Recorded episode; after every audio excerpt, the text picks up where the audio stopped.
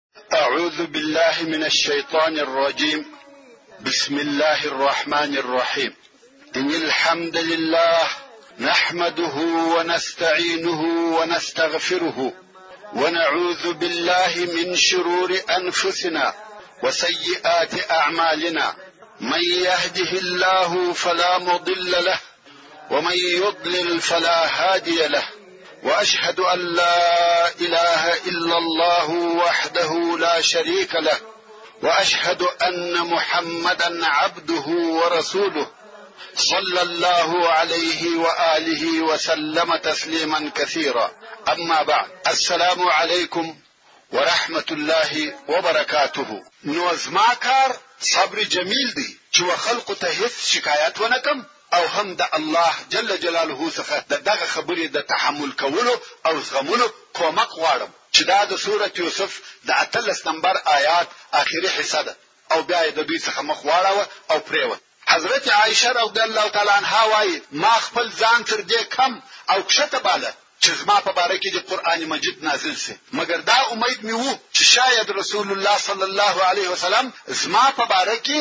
خوب وویني چې د هغه په واسطه مې الله جل جلاله بری کړي. ځکه د انبیاو خوب حق دی حضرت عائشه رضی الله تعالی عنها وايي په دغه وخت کې چې موږ سره ناست وو او ما او رسول الله صلی الله علیه وسلم ته شاور ګرځولې و چې جبرئیل علیه السلام راغلی او رسول الله صلی الله علیه وسلم د وحی په نزول کې پټ شو د وحی د نزول علامه و دوی ته معلومه وي کم کیفیت چې به رسول الله صلی الله علیه وسلم ته د وحی د نزول په وخت کې ورپېښېدی هغه حال ورته پیښ شو او پر رسول الله صلی الله علیه وسلم خولې را ماتې شوې. ابوبکر صدیق رضی الله تعالی عنه ور ولاړ شو او رسول الله صلی الله علیه وسلم یې په یوه پټو سره پټ کړ او دوی په انتظار کښېنستل. حضرت ابوبکر صدیق رضی الله تعالی عنه وایي په ټول عمر دغسې سخت ساعت نه دی راباندې تېر شوی لکه دغه د وحیو څو لحظې ځکه بېرېدم چې اوس به د عایشې په نه براعت خبر یا حال راسي رښتیا هم د ابوبکر صدیق رضی الله تعالی عنه پر کورنۍ دغه لحظې هغه شدیدې او د تشویشه ډکې لحظې وې، د آسمانه وحی نازلیږي او د هغه ډیرو خبرو چې تر یوه میاشت یې زیات دوام وکړ د فیصلې لحظې دي، حضرت عائشه رضی الله تعالی عنها وایي، مګر زه په والله هیڅ نه بیریدم او نه مې تشویش درلود، ځکه زه پوهیدم چې زه بری یم او الله جل جلاله ظلم نه کوي. نو وايي دغه د وحيو د نزول په وخت کي والله هيڅ نه بيريدم او نه وارخطا وم کوم وخت چې رسول الله صلی الله علیه وسلم د وحی د نزول د حالت څخه ووتی خندل او اوله خبره چې یې وفرمایل هغه دا و یا عائشه الله جل جلاله ته بری کړې د حضرت عائشه رضی الله تعالی عنها مور و حضرت عائشه ته وویل ورسول الله صلی الله علیه وسلم ته ورولاړه شکر یې ادا کړه حضرت عائشه رضی الله تعالی عنها چې په خپل الهي براءت سره نازېده او د رسول الله صلی الله علیه وسلم پر هغه محبت چې د دې سره یې درلودی پوره باوري وه نو یې وویل والله هیڅکله به وده علیه الصلاة والسلام ته نسم ور ولاړه او بې له الله د هیچا شکر به نکم ادا بیا نو رسول الله صلی الله علیه وسلم امر وکړي چې خلق دې راټول سي خلق راټول سو او رسول الله صلی الله علیه وسلم منبر ته وختی او په خطبه ویلو یې شروع وکړه او د سورة النور هغه آیاتونه چې دغه اوس نازل سوه و مسلمانانو ته تلاوت کړه الله عز وجل د سورة النور په یولسم نمبر آیات کې فرمایي ان الذين جاءوا بالافك عصبة منكم ولا تحسبوه شرا لکم بل هو خیر لکم یعنی بېشک هغه کسان چې د عایشې رضی الله تعالی عنها په باره کې یې دغه لوی او غټ درواغ راوړي دي دا ستاسې مسلمانانو څخه یوه ډله ده ای صادقه مسلمانانو تاسې د دغه درواغو ویل د ځان دپاره شر مه بولئ بلکې دغه د درواغو تهمت ستاسې دپاره خیر دی چې په هغه کې تاسې ته ثوابونه او درجې درکول کیږي دغه خطاب و هغه مسلمانانو ته دی چې هغو ته د دغه واقعې په سبب تکلیف ورسېدلی و، خاصتا حضرت عائشه او د هغې کورنۍ ته. په ظاهره دغه واقعه زړه دردونکې واقعه وه، خو په دننه کې یې ډېرې فایدې پرتې وې. آیا دغه لږ فخر او شرف دی چې خالق الکائنات جل جلاله په خپل پاک کلام کې د حضرت عائشه رضی الله تعالی عنها براءت او پاکي نازل کړه او د دوی دشمنان یې خوار او ذلیله، رسوا او شرمنده کړه او د قیامت تر ورځې پورې د ټولو قرآن ویونکو پر ژبه د حضرت عایشې د عفت او پاکۍ ذکر جاري دی او که پس له نزوله د دغه مبارکو آیاتو و یو چاته شک یا شبهه پیدا سي هغه کافر دی ځکه د قرآن مجید د صریحو احکامو او آیاتو څخه انکار کفر دی او تر دغه آیات وروسته هغه نور ټول آیاتونه چې د حضرت عائشې رضی الله تعالی عنها براءت پکښې دی د دغه ټولو آیاتو د نزول سبب دغه واقعه ده بیا نو رسول الله صلی الله علیه وسلم امر وکړي چې درې نفره دې په درو ووهل شي دا هغه درې نفره وه چې په صریحو الفاظو یې خبرې کړې وې چې دغه درې نفره د مسلمانانو څخه وه منافقین هم نه وه که څه هم مسئله د منافقینو څخه راشروع شوه او په یوه خبیثه طریقه سره یې عملي کړه داسې دلیل یې پر ځان نه پرېښاوه چې دوی دې ونیول سي مګر هغه چې په دام او مشکل کې ولوېده هغه مسلمانان وه هغه مسلمانان چې خپله ژبه یې نه سوای ټینګولای نو مصطح ابن ابي مصطح رضي الله تعالی عنه په درو ووهل سو چي د اهل بدر څخه وو او د ابوبکر صديق رضي الله تعالی عنه د خاله زوی وو او حمنه بنت جحش رضي الله تعالی عنها په درو ووهل سوه حمنه د زینب رضی الله تعالی عنها خور ده هغه زینب چې ام المؤمنین او د رسول الله صلی الله علیه وسلم زوجه ده او د حضرت عائشه رضی الله تعالی عنها بند په خپل زینب رضی الله تعالی عنها خپل خله او ژبه وساتل حضرت عائشه رضی الله تعالی عنها وايي مګر زینب خپل ایمان وساتي که څه هم هغه بنوه خو چپ خلص و په دې موضوع کې خبري ونه کړې اما حمنه چې د زینب رضی الله تعالی عنها خور وه ژبه یې ونه ساتل او په درو ووهل شوه دریم د رسول الله صلی الله علیه و علیه وسلم شاعر حسان ابن ثابت رضی الله تعالی عنه په درو ووهل شو چې دا ټول مسلمانان وه او منافقان خلاص وه د منافقانو د خلاصېدو لپاره دوه علت وه یو دا چې هغو په اشاره او کنایه سره خبرې کولې پر ځان یې دلیل نه پرېښاوه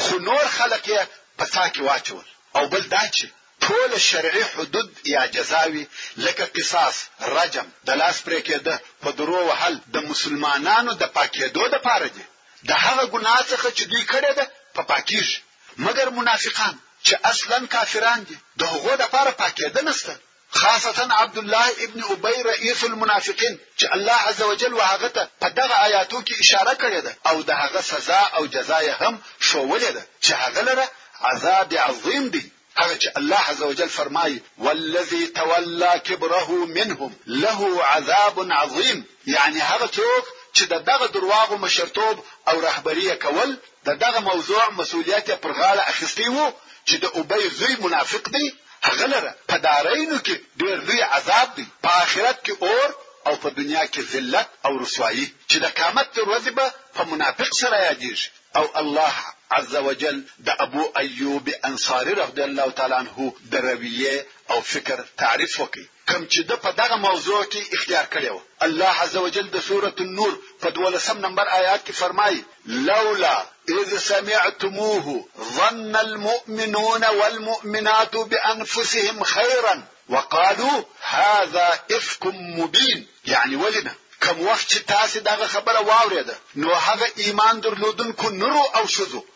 په خپلو مابینو کې د خیر ګمان کاوه او دوی ټولو ویل، دا خبره ښکاره او معلومداره درواغ دي. په دغه مبارک آیات کې د ابو ایوب انصاري رضی الله تعالی عنه ورویې او کړنلارې ته اشاره ده. هغه داسې، کوم وخت چې د دغه اف په متعلق فتنه او خبرې ډېرې زیاتې شوې، نو د ابو ایوب رضی الله تعالی عنه ښځې ام ایوب و ابو ایوب ته وویل، یا ابا ایوب! ایا ته دغه خبرې نه اورې چې خلق یې د حضرت عایشې رضی الله تعالی عنها په باره کې کوي؟ ده ویل، اورم یې. ښځې ورته ویل، نو ته څه وایې؟ ستا څه فکر دی؟ د عاقل او مسلمان سړي و جواب ته وګورئ. ابو ایوب ویل، یا ام ایوب! که ته د عایشې پر ځای وای دغسې دې کول؟ هغې ویل، یا والله! ابو ایوب بیا وویل، که زه د صفوان پر ځای وای دغسې مې کول؟ ښځې ویل، یا والله! الله دې وساته! نو ابو ایوب رضی الله تعالی عنه وویل، عائشې صدیقه د صدیق اکبر رضی الله تعالی عنه لور، د رسول الله صلی الله علیه و آله وسلم زوجه، د مسلمانانو مور تر تا ډېره بهتره او ښه ده او بیا صفوان رضی الله تعالی عنه تر ما ښه او بهتر دی. نو څنګه به موږ پر دوی شک او ګمان کوو او د ځانه به خبرې کوو دا ټوله درواغ دي نو ابو ایوب الانصاري رضی الله تعالی عنه خپل ژبه وساتل او خپل شذي ته هم وروښول چې په دغه حالاتو کې سړی باید څه وکړي د نورو سره هم باید په ادب او احترام معامله وسی نو الله جل جلاله د دغه فتنې څخه خلاص کړي او مصطح رضی الله تعالی عنه هغه چې په درو ووهل سو د ابوبکر صدیق رضی الله تعالی عنه د خاله زوی وو څرنګه چې ډیر غریب او مسکین وو نو خرڅ او مصرف یې ابوبکر صدیق رضی الله تعالی عنه د خپل مال څخه ورکاوه خو کوم وخت چې مصطح رضی الله تعالی عنه په دغه موضوع کې بې له ضرورت خبرې وکړې آیا دا مناسبه وه؟ دا د هغه کومک او نیکۍ بدله وه، ابوبکر صدیق رضی الله تعالی عنه د ده ټول مصرف ورکاوه او ده یې د هغه نیکۍ په مقابل کې پر لور عشق ووایه، نو ابوبکر صدیق رضی الله تعالی عنه قسم یاد کړ چې تر دې وروسته به مصطح رضی الله تعالی عنه ته خرڅ او مصرف نه ورکوم څو د الله جل جلاله دا قول نازل سو چې د سورة النور په 22 نمبر آیات کې فرمایي ولا یأتلی اولو الفضل منکم والسعة ان یؤتو اولي القربى والمساکین والمهاجرین فی سبیل الله وليعفو وليصفحو یعنی قسم دې نه کوي خاوندان د فضیلت او خاوندان د پراخي د مال چې د الله په لار کې به نفقه نور کوي ټولو اقرباو مسکینانو او مهاجرینو ته او ښايي چې عفوه دې وکړي او ښايي چې تر هغه ګناه دې ورتېر شي، دا داسې آيات دی چې ابوبکر صديق رضي الله تعالی عنه يې ومستح ته د خرڅ او مصرف نه ورکولو څخه منع کاوه، بلکې په دې سره يې امر کاوه چې د مستح رضي الله تعالی عنه خرڅ او نفقه دې ورکړي او نور هم الله جل جلاله پسې فرمايي، الا تحبون ان يغفر الله لکم؟ والله غفور رحیم آیا تاسو خوښ نه لرئ چې الله عزوجل د دغه عفو په سبب مغفرت درته وکړي او الله بخښونکی او د ډېر رحم خاوند دی ابو بکر صدیق رضی الله تعالی عنه چې دغه آیات شریف واورېدی څه ویل ویل بلا یا ربنا نحب یعنی بشک زموږ رب موږ ستا بخښنه خوښوو او غواړو یې، نو یې هغه خپل قسم مات کړ، د هغه قسم فدیه یا کفاره یې ورکړه او د مصطح مصرف او نفقه یې بېرته ور شروع کړه. په ځینو روایاتو کې راغلي دي چې هغه نفقه یې د پخوا په نسبت ور دوه چنده کړه. وروڼو! دا قصه ډېره اوږده قصه ده، ډېر تفاصیل پکښې دي، مقصد دا یوه فتنه وه چې یوه میاشت یې دوام وکړ، په دغه موده کې جهاد نه کېدی، د دغه فتنې په وخت کې جهاد بند شو، د مسلمانانو نور کارونه بند شوه، دا ټوله د ځینو خلقو د جرأت او دلاورۍ په سبب چې دغه لوی درواغ یې جوړ او نشر کړه. وروڼو! دا وه موږ ته پند او نصیحت چې بې له صحیح معلوماتو باید د خلقو خبرې نه کو بیان، ځانونه د خلقو د عیب ویلو څخه وساتو، خاصتاً چې هغه هم د یو چا پر عزت او شرف طعن او ضربه وي. نن ورځ ځینې خلق د نورو خلقو د عزت د خرابولو د پاره خبرې کوي بې له دې څخه چې د هغې خبرې تحقیق او صحیح معلومات وسي یا په خپل د هغو خلقو څخه پوښتنه وسي فقط یو خبر واورو او هغه خبر بې له تحقیق او معلومات ومنو او بیا یې په نشرولو کې کوشش هم کوو دا هغه ډیره لو ګناه ده او دې ته اف ویل کیږي لکه څرنګه چې الله جل جلاله هم افت بللی دی لکه څرنګه چې مخکې مو درته وویل پس له یوې میاشتې څخه دغه د شک او اضطراب تشویش او پریشانی اوریځې د مدینې منورې د فضا څخه استثبه او رئیس المنافقین په داسې رسوایی سره رسوا سو چې پس له دغه سر نسوای پورته کولای ابن اسحاق رحمه الله وايي، پس له دغه واقعې څخه چې به یوه د نفاق واقعه پېښه شوه، تر ټولو د مخه به د ابی د زوی قوم او قبیلې و ده ته عتاب او سرزنش ورکاوه، په ډېر شدت به یې معامله ورسره کول، نو رسول الله صلی الله علیه وسلم و حضرت عمر رضی الله تعالی عنه ته وویل، څنګه یې بولې یا عمر؟ په والله که مې په هغه ورځ وژلی وای چې تا راته وویل ویې وژنه، ډېر خلق به د ده پر طرف درېدلي وای.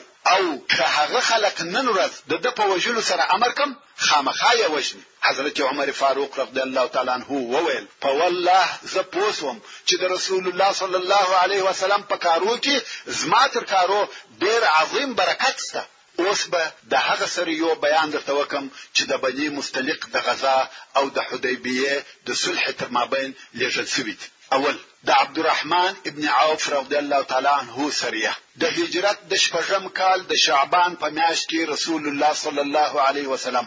عبدالرحمن ابن عوف رضی الله تعالی عنه د بني کلب و قبیلې ته چې په دومة الجندل کې واقع و ولېږي رسول الله صلی الله علیه وسلم عبدالرحمن ابن عوف رضی الله تعالی عنه و خپل مخ ته کښېناوه او په خپل مبارک لاس یې لنګوټه یا عمامه ور وتړل او په جنګ کې یې په ښه معامله وسعت ورته وکړ او ورته ویې فرمایل، که دغه خلقو ستا اطاعت وکړ نو د دوی د پاچا لور په نکاح عبدالرحمن ابن عوف رضی الله تعالی عنه هلته ولاړی او درې ورځې یې دوی و اسلام ته دعوتول چې په نتیجه کې ټول قوم مسلمانان سوه او عبدالرحمن رضی الله تعالی عنه د رسول الله صلی الله علیه وسلم د امر سره مطابق د بني کلب د پاچا لور چې تماضر بنت الاسبغ نومېده په نکاح کړه چې د دې پلار د بني کلب د قبیلې رئیس او پاچا و البته هغه وخت په جزیرة العرب کې ملوک الطوائفي وه یعنې هرې قبیلې پاچا درلود دوهم د علي ابن ابي طالب رضی الله تعالی عنه سریه همدارنګه د هجرت د شپږم کال د شعبان په میاشت کې رسول الله صلی الله علیه وسلم حضرت علی رضی الله تعالی عنه و بنی سعد ابن بکر ته چې په فدک کې اوسېدل د دوه سوه نفرو سره ور ولېږئ چې د دغه ټولۍ د لېږلو سبب دا و چې رسول الله صلی الله علیه و آله وسلم ته خبر ورسېدی چې بني سعد ابن بکر غواړي چې د خیبر د یهودو سره کومک وکړي نو یې علي رضی الله تعالی عنه د دوه سوه نفرو سره ور ولېږئ علي رضی الله تعالی عنه به د شپې تګ کاوه او د ورځې به کمین نیوی په دغه وخت کې یې د بني سعد یو جاسوس ونیوی، هغه هم اقرار وکړ چې هو، بني سعد د خیبر و یهودو ته ولېږلم چې موږ بني سعد د مسلمانانو پر ضد ستاسې کومک کوو، په دې شرط چې د خیبر خرماوې یا کجور به موږ ته راکوی. او دغه جاسوس د بني سعد د حیواناتو د یو ځای کېدو ځای ور وښوی، نو علی رضی الله تعالی عنه پر بني سعد حمله وکړه چې په هغه حمله کې یې پنځه سوه اوښان او دوه زره پسونه په غنیمت ځینې بوتله او بنو سعد په خپله وتښتېده او د بني سعد رئیس وبر ابن علیم و. درېیم، د ابوبکر صدیق رضی الله تعالی عنه سریه، د هجرت په شپږم کال د رمضان په میاشت کې رسول الله صلی الله علیه وسلم ابوبکر صدیق رضی الله تعالی عنه و وادي القرا ته ولېږی، ځکه هلته د فزاره قبیلې غوښته چې رسول الله صلی الله علیه و آله وسلم ترور کړي یا ووژني. د فزاره په قبیله کې یوه شیطانه ښځه وه چې ام قرفه ورته ویل کېده. دې د رسول الله صلی الله علیه وسلم د ترورېدو لپاره دېرش نفره جنګیالي د خپلې کورنۍ څخه سره یو ځای کړي وه. نو رسول الله صلی الله علیه و آله وسلم ابوبکر صدیق رضی الله تعالی عنه ور ولېږي چې دغه ښځې او د دې کورنۍ ته جزا ورکړي په دغه سریه کې سلمه ابن الاکوع رضی الله تعالی عنه هم ورسره و سلمه ابن الاکوع رضی الله تعالی عنه وایي زه د ابوبکر صدیق رضی الله تعالی عنه سره ووتم د سهار تر لمانځه وروسته موږ پر دغه قبیله حمله وکړه هغه کسان چې وژل کېده ووژل شوه، خو ما یوه ډله ولیده چې ښځې هم پکښې وې او د غره و طرف ته په تېښته رهي وه. زه پر دې وبېرېدم چې تر ما د مخه به و غره ته ورسېږي، نو مې د غره او د دوی په مابین کې غشي وویشتل. دوی چې غشي ولیده ودرېده. په دوی کې یوه ښځه وه چې ام قرفه ورته ویل کېده. او د دې سره د دې لور چې ډېره ښایسته وه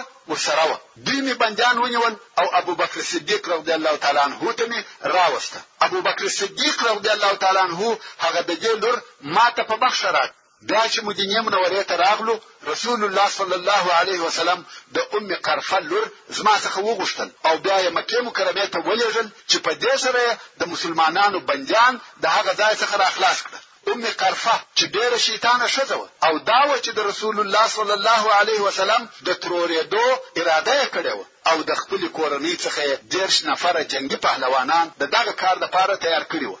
خو دا په خپله جزا ورسېده او هغه دېرش نفره یې ووژل شوه څلورم د کرز ابن جابر الفهري رضی الله تعالی عنه سره کرز ابن جابر رضی الله تعالی عنه هغه څوک دی چې د بدر تر غزا د مخه یې د مدینې منورې پر اطرافو حمله وکړه او بیا مسلمان سو او د مکې مکرمې د فتح په ورځ په شهادت ورسېدی نو د هجرت په شپږم کال کې د شوال په میاشت کې رسول الله صلی الله علیه و علیه وسلم دغه کرز ابن جابر رضی الله تعالی عنه په عرنیین کې ولېږي چې قصه یې داسې وه یوه ډله چې د عقل او عرینه د قبیلو څخه وه مدینې منورې ته راغله او په اسلام سره یې اظهار کاوه یعنی په زړو کې مسلمانان نه وه خو په ښکاره سره یې اسلام راوړی او دلته په مدینه منوره کې اوسېده څو په یوه مرض اخته سوه چې په عربي کې وخم ورته ویل کېږي ساري او وبایي مرض دی نو رسول الله صلی الله علیه و آله وسلم امر کړه چې هغه ځای ته ولاړ شي چې هلته د مسلمانانو د بیت المال او شان ساتل کېده او د دوی د مرض د علاج لپاره دې د دغه اوښانو بولې او شیدې چښي دوی هم لاړه او دغه بولې او شیدې یې چښل تر څو چې الله جل جلاله جوړ کړ کم وخت چې صحت پیدا کړي او جوړ شو نو یې هغه د اوښانو ساتونکي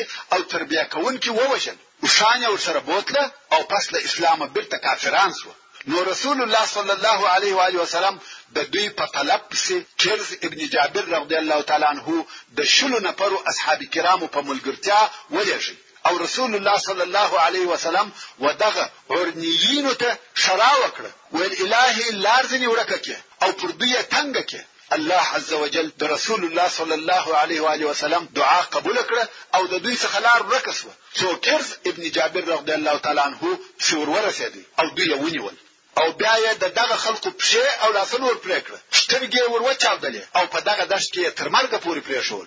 دا د دوی د هغه عمل جزا وه چې یو وار اسلام راوړي او بیا مرتدان سوه پر دې سربېره د اوښانو ساتونکي ووژل او اوښان یې ورسره بوتله وروڼو! دا هغه غزاوې او سريې وې چې د خندق او بني قريظه تر غزاوو وروسته پېښې شوې وې، مګر په دغه ټولو غزاوو او سريو کې داسې تريخ جنګ نه دی شوی چې زيات قتل او قتال دې پکښې شوی وي، په دغه ټولو غزاوو او سريو کې کوچنۍ کوچنۍ حملې شوې دي چې په حقيقت کې دغه سريو ته موږ معلوماتي دورې او تاديبي حملې ويلای شو. چې دا د هغو قبیلو د بیرولو د پاره کیدې چې تر اوسه یې د اسلام قوت قوت نه باله او پس له هغه څخه چې موږ دغه حالات په دقت سره تر نظر وباسو موږ ته دا را معلومیږي چې د خندق تر غزا وروسته د ورځو تیریده د مسلمانانو په ګټه وه او د اسلام د دشمنانو معنویات مخ پر نړیدو وه د اسلام دشمنانو ته دا امید نه پاته چې پر اسلامي دعوت دې کامیاب شي او د مسلمانانو شان او شوکت دې ورمات کړي خاصتا د مسلمانانو برتري او لوړوالی هغه وخت ثابت شو چې قریشو د حدیبیه صلح ورسره وکړه په حقیقت کې د حدیبیه صلح صلح نه وه بلکې دا فتح او د اسلام پر قوت اعتراف او دا په جزیره العرب کې د اسلام پر وجود او بقا اقرار وو د حدیبیه پیښه او صلح وروڼو! لکه څرنګه چې دمخه مو درته وویل په جزیرة العرب کې حالات تر ډېرې اندازې د مسلمانانو په ګټه مخ ته تلل، د لویې فتحې علامې او د اسلامي دعوت کامیابي په کراره کراره د آسمان په افق کې معلومېده او داسې مقدمې شروع شوې چې مشرکان په دې سره اعتراف وکړي چې د مسلمانانو دا حق دی چې خپل عبادت په مسجد الحرام کې وکړي. هغه مسجد الحرام چې د شپږو کلو راهیسې مشرکانو مسلمانان د هغه څخه منع کړي وو رسول الله صلی الله علیه وسلم په مدینه منوره کې وو او دا یې په خوب کې ولیده چې دی علیه الصلاة والسلام او د ده اصحاب مسجد الحرام ته ورداخل شول د کعبې شریفې کلي یې واخیستې پر کعبه شریفه یې طواف وکړي او عمره یې وکړه ځینو خپل سرونه وخرول او ځینو غچي کړو رسول الله صلی الله علیه و آله وسلم دغه خوب اصحاب کرامو ته ووایه هغه هم ډیر خوشاله شو دوی دا ګمان وکړي چې په دغه کال کې مکه مکرمه ته داخليږي رسول الله صلی الله علیه وسلم خپل اصحاب خبر کړ چې زه د عمره د پاره زم کله چا اراده وی چې ما سره د عمره ته بلار سي د سفر د پاره دي ځانونه تیار کړي د مدینه منورې خلقو یعنی مهاجرینو او انصارو د ده اصحاب څوک وايي یو زر څلور سوه نفره و، څوک وايي یو زر پنځه سوه نفره و. د دوی سره په دې سفر کې بې له تورو نوره اسلحه نه وه. اوس نو رسول الله صلی الله علیه وسلم او مسلمانان د مکې مکرمې پر طرف رهي سوه. کوم وخت چې و ذوالحلیفه ته ورسېده چې اوس آبار علي ورته وايي او دا ځای د اهل مدینې دپاره میقات دی او د مدینې منورې څخه اووه میله لرې دی. هلته یې خپلې هدیې علامه داره کړې او د عمرې په نیت یې احرام وتړی چې دغه هدیې او احرام څوک وویني هغه په دې پوهیږي چې رسول الله صلی الله علیه وسلم د جنگ د پاره نه دی راوتلی او زی د کعبه شریف عزت او احترام کوي نو خلق د ده علیه الصلاۃ والسلام د جنگ څخه په امان دي او څوک نه بیریږي اوس نو هدی چی شي دي هدی وهغه اوشانو ته ویل کیږي چې علامه دار او نشانی سي علامه داره کېدل يې په دې ډول سره دي چې د اوښ بوک ور زخمي کړي، نو دا د دې علامه ده چې دغه اوښ د الله جل جلاله د رضا لپاره په حرم کې حلالېږي، نو پر دغه اوښ نه څوک سپرېده او نۀ آزار ورکاوه، ځکه خلق پوهېده چې دا د الله جل جلاله د تقرب او رضا لپاره په حرم کې حلالېږي. یا دغه اوښان داسې نښاني کېده چې په غاړه به یو شی وځړول سو داسې شی به وځړول سو چې د هغه څخه به دا معلومېده چې دغه اوښ د الله جل جلاله د رضا دپاره حلالېږي اوس نو رسول الله صلی الله علیه وسلم او یا اوشه د هدی د پاره د ځان سره رهي کړ او د مکه مکرمه پر طرف رهي سو په دغه سفر کې د منافقانو څخه هیڅوک نور سره ووته بې له یوه نفره څخه چې نوم یې جد بن قیس و، نور منافقان نه ووتل، ځکه هغو ویل، والله! محمد صلی الله علیه وسلم او ملګري به د قریشو د طرفه حلال کړه شي، دی مکې او خپلو دښمنانو ته ورځي، بې له جنګه او لښکره و هغو ته ځان تسلیموي، په والله! چې بې حلالېدو پرېږدي، دا د منافقانو خبرې وې مګر رسول الله صلی الله علیه وسلم هم احتیاط وکړي ځکه د کفارو د غدر څخه بیریدي نو یې څه وکړه د احتیاط لپاره یې اسلحه هم ورسره واخیسته مګر دغه اسلحه یې د اوښانو په بارو کې کښېښول په خپله دوی اسلحه نه وه ورسره اخیستې ځکه د اسلحې اخیستل د احرام د حاله سره ضد او منافي دي رسول الله صلی الله علیه و آله وسلم تر خپل ځان د مخه د معلوماتو د پاره د خزاعه د قبیله څخه یو نفر ولېږي چې د قریش حال ورته راوړي اوس چې رسول الله صلی الله علیه وسلم وعصفان ته نږدې شو هغه د معلوماتو نفر ورته راغی او ویل کعب ابن لؤی د حبشانو قبیله او نور ډېر خلک ستا د جنګ دپاره راټول کړي دي او غواړي چې تا د مکې مکرمې د ننوتلو څخه منع کړي. رسول الله صلی الله علیه وسلم د خپلو اصحابو سره مشوره وکړه، ویل، نه مو ده خوښه چې دغه خلک چې دا زموږ مخ ته راوتلي دي، دوی پرېږدو او د دوی پر کورو حمله وکړو؟ که دوی دالته زموږ په انتظار ناست وه، نو به غمجن کښېني او که د خپلو کورنیو د خلاصولو دپاره راغله، هلته به یې غاړې ور پرېږدو او که غواړئ چې د مکې مکرمې پر طرف ور رهي شو، که مو څوک په مخکې ودرېده، د هغو سره به جنګ وو، دغه دوې لاري کومه یوه مو خوښه ده؟ ابوبکر صدیق رضی الله تعالی عنه وویل، الله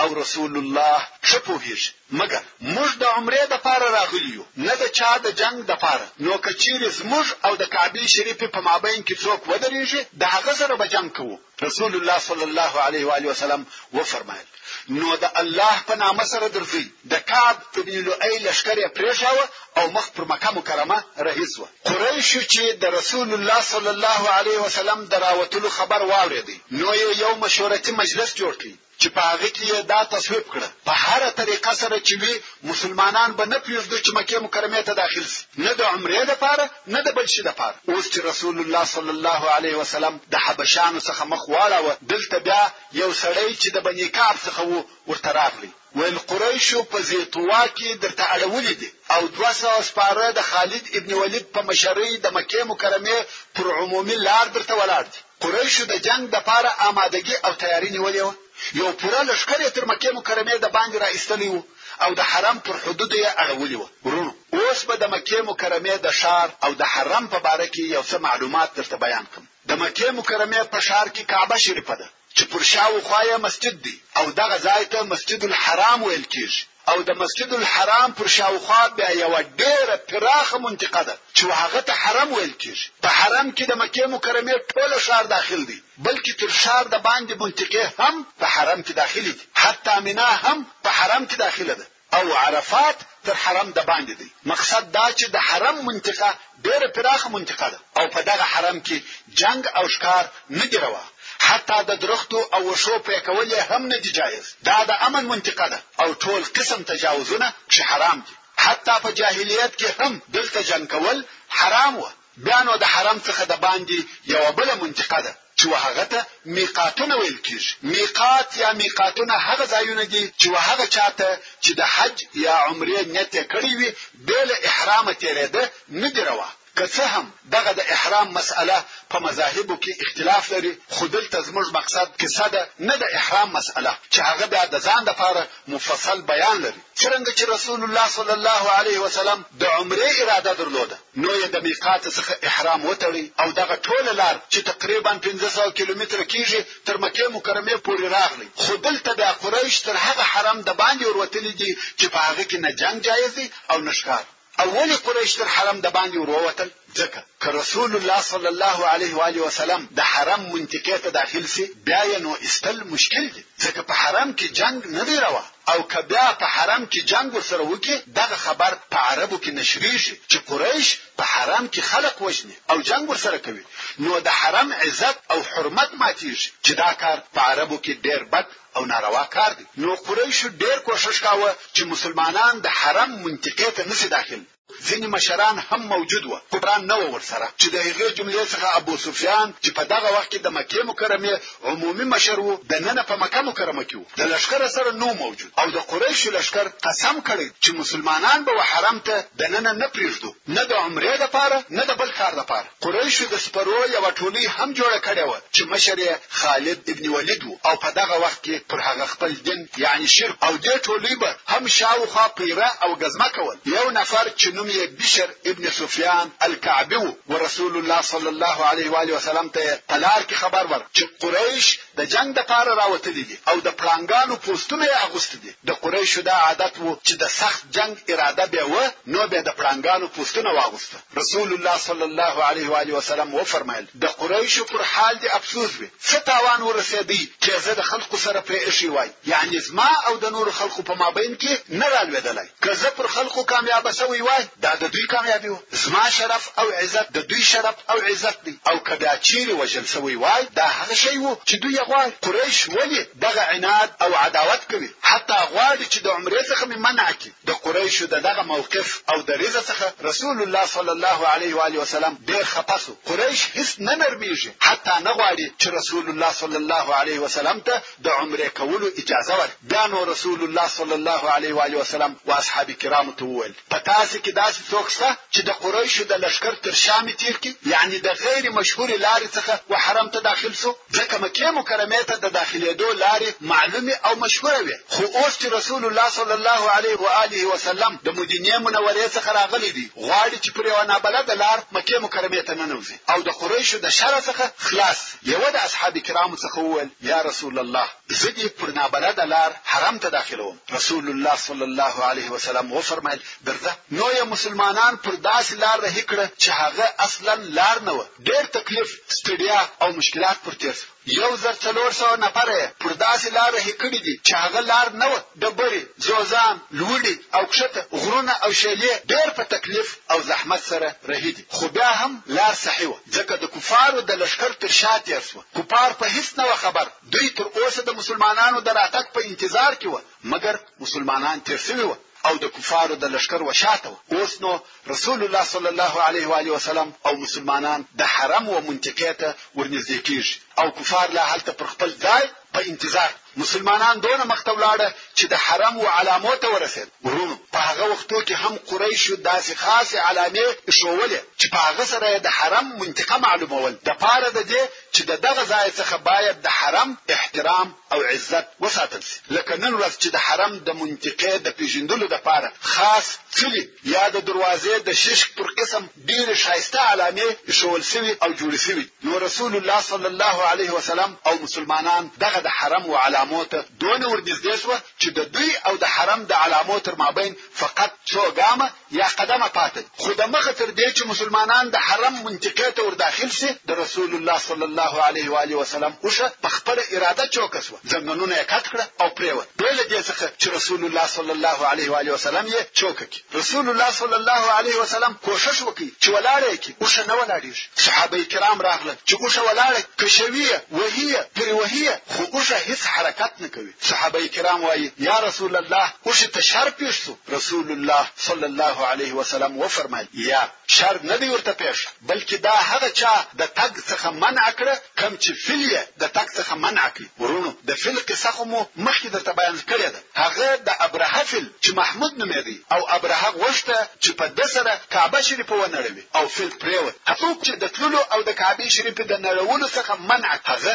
الله جل جلاله اوس هم هغه الله جل جلاله دی چې د رسول الله صلی الله علیه وسلم اوښه یې د دې څخه منع کړه چې و حرم ته داخله سي بیا یې اوښه ولاړه کړه بیرته یې د شا پر طرف بوتله څو هلته یې د حدیبیې په آخر کې د اوبو پر یو حوض واړول رسول الله صلی الله علیه و علیه وسلم امر وکړي چې د لې واړوي مسلمانانو تر حرم د باندې واړول چې دلته د جنگ څخه هم نه دي په امان او دغه د اوبو په حوض کې دونه لږ اوبه وې چې خلقو په لپه ځینې را اخیستلې او ډېر ژر هغه اوبه خلاصې شوې. خلقو د اوبو د نیستیوالي او تندې څخه ورسول الله صلی الله علیه وسلم ته شکایت وکړ. رسول الله صلی الله علیه وآله وسلم د خپلو غشیو د جعبې څخه یو غشی راویستی او ویل دغه غشی په دغه حوض کې ودروی. راوي د حديث وايي، په والله د دغه غشي د ځايه څخه تر هغو اوبه راوتلې يا بهېدلې چې موږ د دغه ځايه څخه بارول چې دا هم د رسول الله صلی الله عليه وسلم معجزه وه. بيا نو رسول الله صلی الله عليه وآله وسلم وفرمايل، که قريشو زه و داسې لارې ته وبللم چې په هغه کې صلة الرحم وه زه به د دوی سره هغه لار قبوله کړم، يعني که قريشو نرمي راواخيسته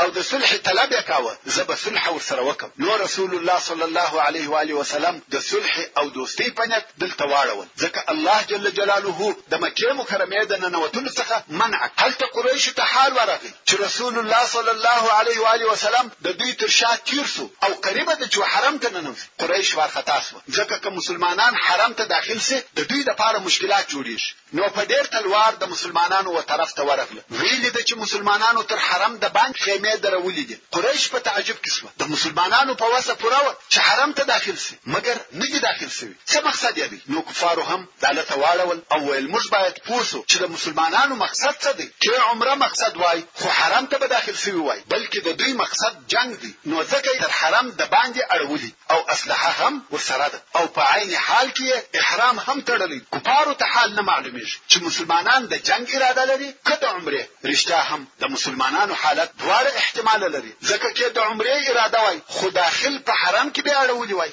اوس مشرکان په تردد کې دي چې څه وکړي. آیا دغه عمره کوونکي د مکې مکرمې د ننوتلو څخه منع کړي او بیا دا خبره په نورو عربو کې نشر شي چې قریش خلک د عمرې څخه منع کوي او هغه بیا پر قریشو بد وایي نو قریش ویل معلومات به وکړو او خبره به په یقیني ډول ځان ته معلومه کړو چې مسلمانان جنګ کوي که عمره اوس چې رسول الله صلی الله علیه و علیه وسلم او مسلمانانو دلته واړول او مطمئنه شوه، نو بدیل ابن ورقاء الخزاعي چې د خزاعه د قبیلې د مشرانو څخه وو د څو نفرو سره ورسول الله صلی الله علیه و آله وسلم ته ورغلی او تاسې ته معلومه ده چې د خزاعه قبیله په صورت عموم سره که مشرکان و که مسلمانان د رسول الله صلی الله علیه و آله وسلم خیر غوښتونکي و او نه غوښته چې جنګ ورسره وسي نو دغه بدیل که څه هم د قریشو څخه نه خو په مکه مکرمه کې کور درلودی او هلته یې ژوند کاوه، نو ابودیل چې په دغه وخت کې پر شرک او بیا په وروسته کې مسلمان سو، ورسول الله صلی الله علیه وسلم ته ورغلی او ورته وایي، کعب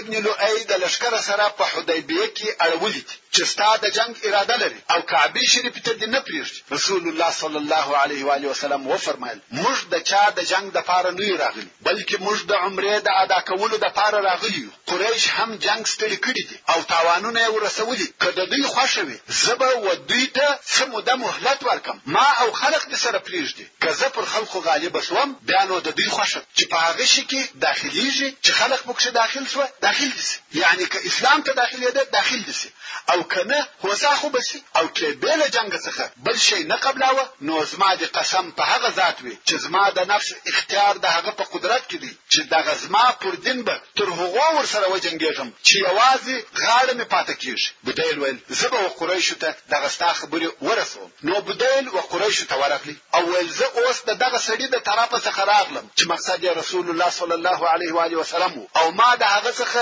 یو څه خبرې واورېد که مو خوښه وي هغه خبرې به درته بیان کړم د قریشو ناپوهانو وویل موږ دې ته ضرورت نه لرو چې د هغه د طرفه یوه خبره هم راته وکړې مګر د قریشو د عقل خاوندانو وویل وایه چي ژبي ځني اورېدلي، نو بديل هم هغه خبري چي د رسول الله صلی الله علیه و آله وسلم څخه يې اورېدلي وې ورته وکړې او بديل وويل، د مسلمانانو مقصد عمره ده. پرېږد! قريش وويل، يا والله! هيڅکله به راڅخه رانه سي، که څه هم د عمرې لپاره وي، مګر زموږ په اجازه. ده به اول زموږ څخه اجازه اخيستې وای. او بل ته څه پوه شوې چې دی علیه الصلاة والسلام د عمرې دپاره راغلی؟ بدیل ویل، دغسې خبرې مې ورسره وکړې. قریشو ویل، دا صرف د خولې خبرې دي. محترمو وروڼو! پاته قصه به ان شاء الله تعالی په راتلونکې کې واورئ. وما توفیقی الا بالله وهو السمیع العلیم وصلی الله تعالی علی خیر خلقه محمد وآله وأصحابه وأهل بيته أجمعين والسلام عليكم ورحمة الله وبركاته سبحان ربك رب العزة عما يصفون